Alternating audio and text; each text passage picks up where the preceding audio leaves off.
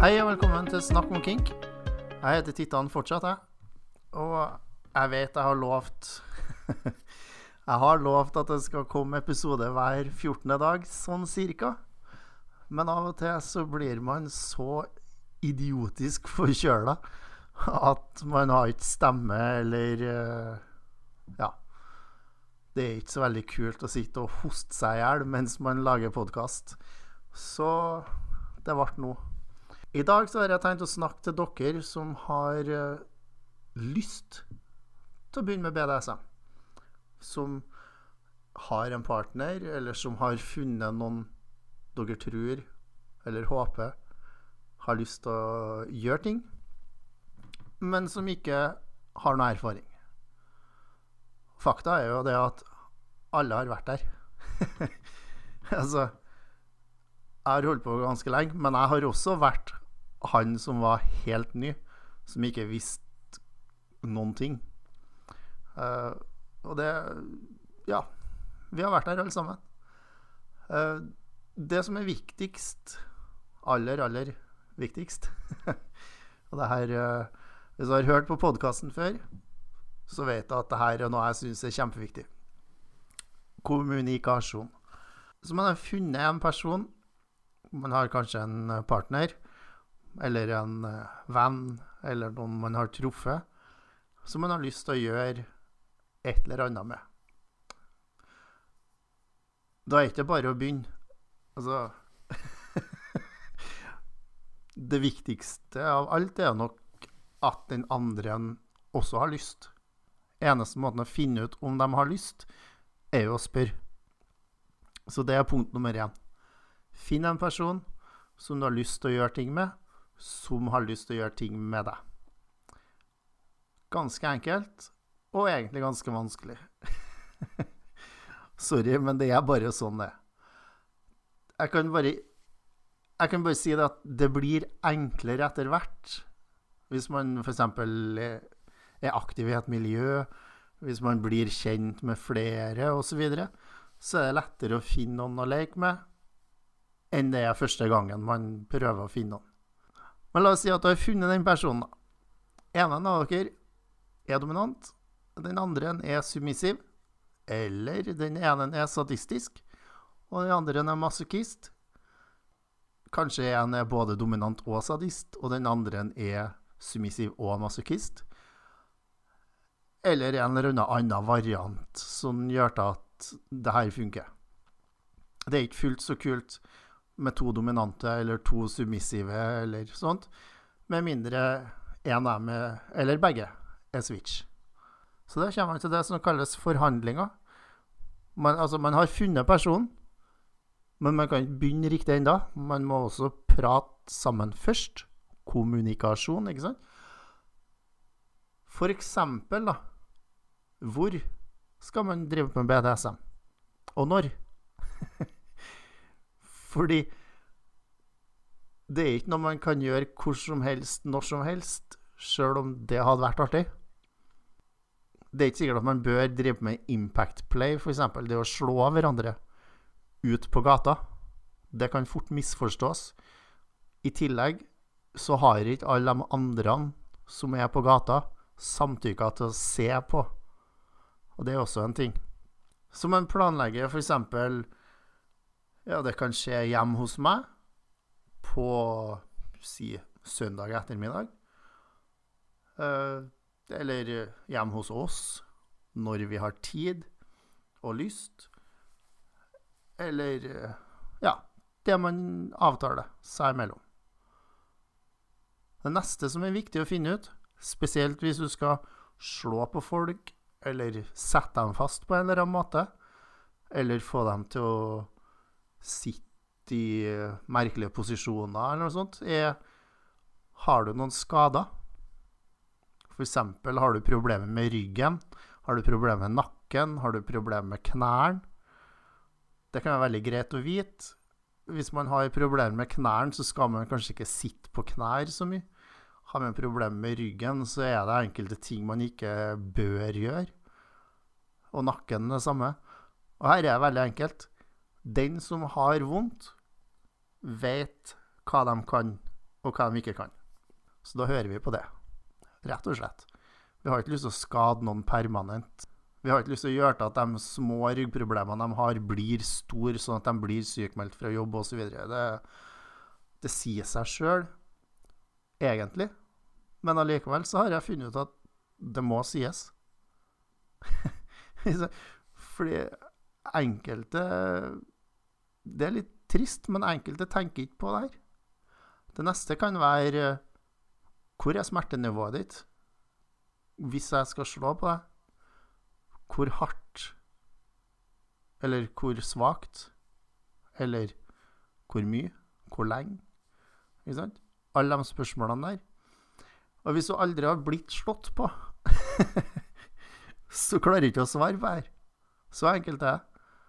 Og hvis du aldri har slått noen, så vet du egentlig ikke hvor hardt et slag er.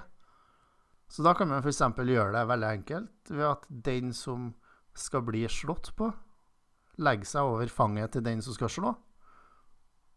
Og så slår man ett slag. Ikke veldig hardt, men så tar man det derfra. Så kan man spørre f.eks.: Hvordan kjentes det? Og så kan den andre si Ja, hvis vi tar en skala fra én til ti, så var det der kanskje en treer. Så har man litt å gå på. Hvis man da sier 'Å, det der var så hardt at jeg vet ikke om jeg har lyst', så har man også noe å gå på. Kanskje ikke like artig for den som slår, men det er bare sånn det er, det òg. Det er den som blir slått på, som bestemmer hvor hardt det skal være. Så videre. Vil du bli ydmyka? Det finnes mange forskjellige måter å ydmyke folk på. Så der må man rett og slett gjøre litt research. Finne ut hva er det som gjør at du blir flau? Hva kan jeg gjøre? Hva kan jeg ikke gjøre? Spesielt viktig det med hva du ikke skal gjøre. Jeg har en personlig regel. Jeg ydmyker aldri folk på kroppsform. Fordi du vet rett og slett ikke hva slags komplekser folk har. Og det er ikke noe folk er så veldig glad i å prate om. Så derfor lar jeg være å ydmyke folk pga. kroppen. Rett og slett for at jeg ikke vil trigge noe et eller annet eh, som ligger latent i dem. Så da er vi tilbake på kommunikasjon. Du prater med den det gjelder. Spør hva som er ydmykende og flaut for dem. Spør også om du får lov til å bruke det mot dem. Og hvis du får ja, så bruker du det Jeg holdt på å si 'for alt det er verdt'. Ja, du bruker det for alt det er verdt. og forhåpentligvis, siden dere har snakka om det og blitt enige om det, så blir det her en veldig artig ting for begge to. Og da kommer vi til det siste punktet straff. Straff er en stor del av BDSM. Enkelt og greit. Man uh, får en oppgave man klarer ikke å gjennomføre den, eller man gjør den på en dårlig måte, eller et eller annet sånt. Og dermed fortjener man å bli straffa. Og her, nok en gang, man må snakke om det på forhånd. Og så er det jo sånn, da, at i hvert fall i den senere tida, så har vi begynt å dele opp straff i to. Og vi har ikke noen gode norske ord for det, så jeg bruker de engelske Funishment og punishment. Jeg håper du hører forskjellen. Funishment og punishment. Punishment, det er en straff, men det er ikke egentlig Det er ikke en straff. Straff, liksom. Det skal være litt morsomt. Det skal det trenger ikke å være fryktelig vondt, det trenger ikke å være fryktelig plagsomt eller ydmykende eller noe sånt. Det, det er sånn der Trekk noen over fanget, gi dem et par eh, rapp på rumpa, sånn der Ha-ha, nå var du Nå var du frekk, eh, videre. Eller det kan være eh, gå i skammekroken. Eller et eller annet sånt. Og jeg foretrekker å bruke det fordi punishment, det er straff. Det er straff-straff. og du skal ha gått ganske langt over streken før du har gjort deg fortjent til noe sånt. I min verden. Hvordan du velger å gjøre det, er helt opp til deg, men snakk om det på forhånd. For punishment med P, det kan f.eks. være OK, nå har du ikke gjort i det hele tatt sånn som du fikk beskjed om. Så nå tar jeg frem det redskapet som jeg vet at du hater, og så gir jeg deg ti slag med det. Fordi nå er nok. Spesielt brats risikerer den der. Men det her er også en sånn ting som er viktig å prate om på forhånd. Hva har jeg lov til å gjøre som straff, som punishment, og eventuelt, hvis vi bruker det, som punishment? Fordi det er ikke sånn at hvis vi ikke har snakka om straff i det hele tatt, og jeg ikke syns at personen oppfører seg, så er det ikke sånn at jeg kan bare slenge dem i bakken og slå dem kjempehardt med et eller annet. For det er ikke sikkert at det Altså, det kan være en trigger. Det kan gjøre til at folk ikke har lyst til å gjøre BDSM noe mer. Ikke sant? Snakk om det på forhånd. Det er veldig viktig. Du har ikke lyst til å gjøre noe som er så fælt at partneren din nekter Altså faktisk ikke har lyst til å gjøre noe med deg noe mer. For det er jo ikke poenget. Du har jo lyst til å leke flere ganger, ikke sant? Så da kommer vi over til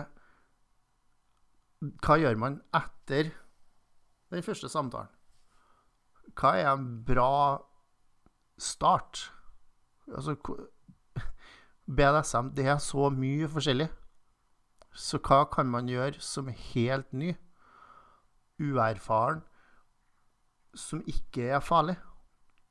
En av de enkleste tingene for å markere maktforskjellen For at BDSM handler jo stort sett om maktleik, ikke sant?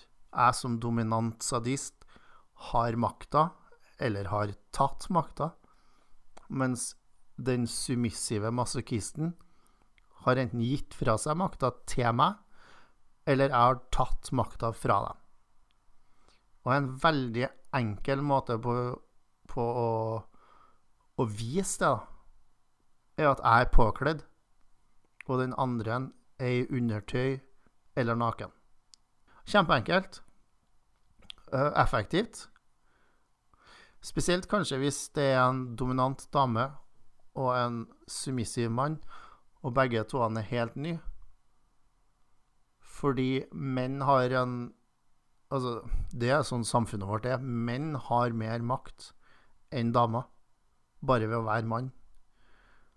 Så hvis man fjerner det der, ved at mannen plutselig er naken og dama er påkledd, så viser man plutselig at nå er det faktisk jeg som bestemmer over det. Og ja, det fungerer jo selvfølgelig også for en påkledd mann overfor en avkledd dame. Eller en påkledd mann overfor en avkledd mann, eller påkledd dame over avkledd dame, eller hvilken som helst kjønnsidentitet. Den påkledde har automatisk mer makt enn den avkledde. Uh, og hvis man da i tillegg sier når du tar av deg klærne, så skal du gjøre det på en sexy måte. Gjerne dans. Stripp for meg. Det er ikke alle sammen som syns det er så veldig kult. Det er ikke alle sammen som er dansere. Det er ikke alle sammen som noen gang har prøvd å strippe av seg klærne sine. Det er en veldig sånn enkel måte å vise maktforskjellen i det her forholdet. Så kan man jo gå over til sensory play. Altså det å ta vekk sanseinntrykk. Sett på blindfold så de ikke kan se. Sett på hodetelefoner med musikk eller hvit støy eller uh, sånne lydfjernere eller noe sånt, så de ikke klarer å høre. Gjerne begge to på en gang, men kanskje ikke som det aller første man gjør. Start med én av dem. For hvis man ikke kan se, og ikke kan høre, så vet man ikke hva som skjer. Og de andre sansene blir økt. Så det f.eks. å bli strøket over kinnet er en helt annen opplevelse enn det ville ha vært hvis du både kunne se og høre i tillegg. Det er jo ikke sikkert at man syns sensory play høres veldig artig ut, eller at man tør, eller at man har lyst, fordi at det er Det er veldig skummelt, spesielt hvis det er første gang man leker med noen, å ta på seg blindfold, ta på seg lydkansellerende høyt, nei, høyttalere, sier. Hodetelefoner. Uh, sånn at man verken ser eller hører. Det kan være skummelt. Det fins andre ting man kan gjøre. Helt hverdagslige ting som man kan gjøres med Som kan gjøres i hermetegn med tvang. Sånn som for eksempel OK, nå har jeg vært på jobb hele dagen. Du er min submissive. Jeg vil at du skal finne en balje, fylle den med passe varmt vann, såpe. Kom hit, vask føttene mine. Gi meg en skikkelig sånn fotvask. Sånn behagelig. Ikke sant? Kanskje klipp neglene. Kanskje Ikke sant? Det, nå vet jeg at enke, Nå vet jeg at enkelte ikke liker føtter. Finn på noe annet. Dette er et eksempel. Andre er jo fotfetisjer. Så de syns jo det her høres helt perfekt ut. Det her er et eksempel. Finn på en hverdagslig ting. Det kan være Du skal lage mat, servere, uh, rydde av og ta oppvasken. Og det skal være perfekt. Og hvis det ikke er perfekt, så må du straffes. Det er et annet eksempel. Det trenger ikke å være husarbeid, det trenger ikke å ha med Finn på noe. Det, det, er så mye mer BDSM enn bare det å slå på folk. Det er det jeg prøver å få frem. Du kan bestemme hva slags klær de skal ha på. Om de får lov til å ha på undertøy. Om de skal ha på kjempesexy undertøy. Om de skal ha på undertøyet ditt. Det er du som bestemmer. Poenget mitt, hovedpoenget mitt Når du er helt fersk og ikke har drevet med BDSM før, så trenger ikke du kjøpe utstyr for flere tusen kroner før du begynner.